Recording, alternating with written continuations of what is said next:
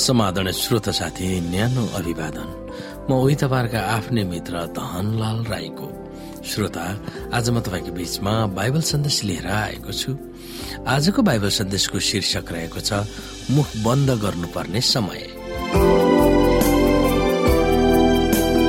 श्रोता यसुको विरुद्धमा सारा यहुदी धर्मको क्रोधको तातो क्रुसको उभानोमा पर्नु भएको थियो। तत्कालीन विश्व साम्राज्यको निर्दयी हातहरूले उनलाई काटी ठोकेर यातना दिएका थिए।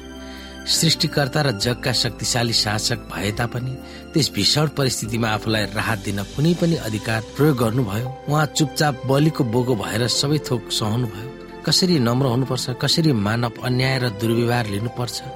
अरू स्वर्गमा जाउन् भनेर आफू कसरी होचिने र झुक्ने भन्ने यसुय गुणहरू हाम्रो निम्ति अनुकरणीय हुनै पर्दछ। यसुले भन्नुभयो म कहाँ आऊ? मबाट सिक म विनम्र शालीन र कोमल हृदयको छु। म ती एघारको उन्तिस पद। उहाँले त्यो कसरी भन्न सक्नु भएको होला? त्यसको अर्थ त हामीले कल्पना पनि गर्न सक्दैनौँ। इसाई भयो भन्दैमा कोही पनि दासत्वको जीवनबाट फुत्किन्छ भन्ने छैन। तत्कालीन सभ्यता र चलन अनुसार अरूहरूले मात्र होइन इसाईहरूले दास राखेका थिए। अब तिमी इसाई भयौ तिमी आफ्नो मालिकबाट स्वतन्त्र हुनुपर्छ भन्ने सुधारवादी नीति बाइबलले उक्साएको देखिँदैन।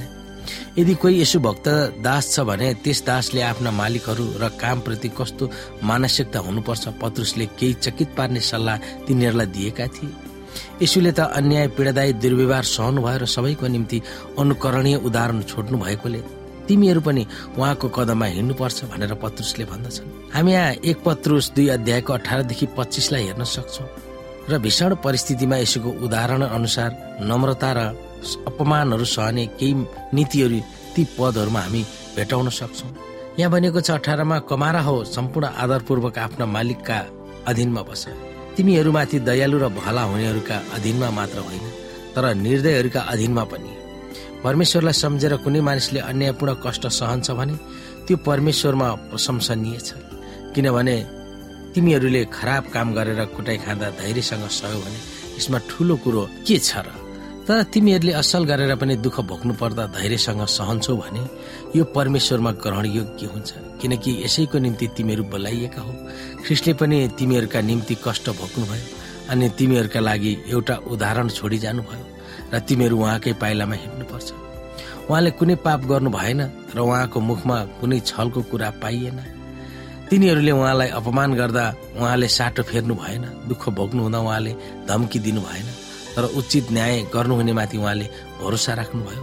हामी पापका लेखी मरेर धार्मिकताको लेखी जियौँ भने उहाँले क्रुसमा आफ्नै शरीरमा हाम्रो पाप बोक्नुभयो। उहाँकै चोटहरूद्वारा तिमीहरू निको भयो। किनभने तिमीहरू भेडाहरू चाहिँ बरालिरहेका थियौ।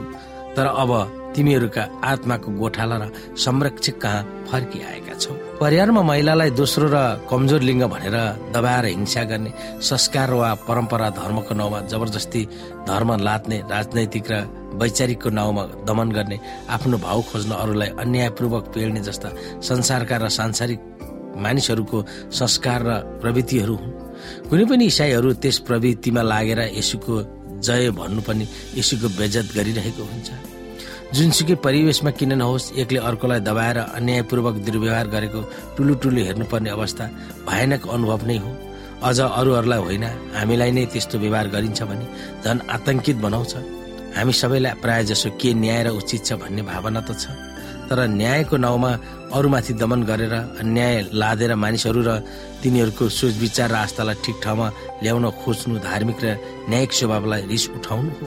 स्थानीय राष्ट्रिय र अन्तर्राष्ट्रिय दैनिक खबरहरूमा न्यायको नाउँमा न्याय गर्ने भनेर हिंसा र दुर्व्यवहार लादिएकाहरूले भरिएका छन्। यस किसिमको परिस्थितिलाई हेरिरहन वा पढिरहनु बाध्य हुनु परेको सजिलो त छैन। तर कतिपयलाई त्यो अश्राय हुन्छ र यस संसारमा के बाँच्ने भनेर निराश भइरहेको पाइन्छ। यदि एउटा निर्णायक सत्यलाई आत्मसात गर्न सकेन भने हामीलाई सरल अर्थमूलक र सार्थक जीवन बिताउन असम्भव नै हुन्छ। सबै अन्याय परिस्थितिमा प्रभुको नियन्त्रणमा छ। र उहाँको उचित समयमा उहाँकै इच्छा अनुसार जे हुनुपर्ने हो उहाँले नै न्याय गर्नुहुनेछ। यसले एउटा तितो सत्यलाई हृदयमा सम्हाली राख्न जरुरी ठान्नु पर्दछ यसुलाई जस्तै हामीलाई यस जीवनमा अन्यायको शिकारबाट उद्धार गरिनै छ भन्ने छैन। तर स्वर्गमा हुनुहुने हाम्रो पिता प्रभु हामीसँगै हुनुहुन्छ र सबै थोक उहाँको हातमा छ।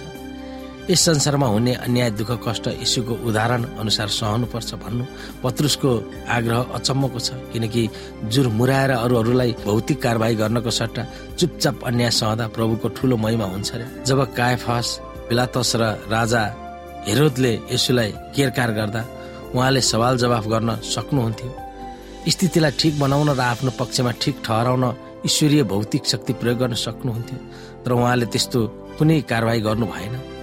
उहाँको मौनता नै उहाँको विनम्रताको गवाई भएको थियो। अन्तिम श्रोता तपाईँलाई अन्यायपूर्वक दुर्व्यवहार गर्ने परिस्थितिमा तपाईँ पर्नुभयो भने तपाईँले कसरी सम्हाल्नुहुन्छ? यशु र पत्रुसले देखाएका नीतिलाई तपाईँले कसरी प्रयोग गर्न सक्नुहुन्छ? त्यो कुरा तपाईँले विचार गर्नुपर्दछ। श्रोता साथी आजको लागि बाइबल सन्देश यति नै। हस्त नमस्ते जय मसिंह।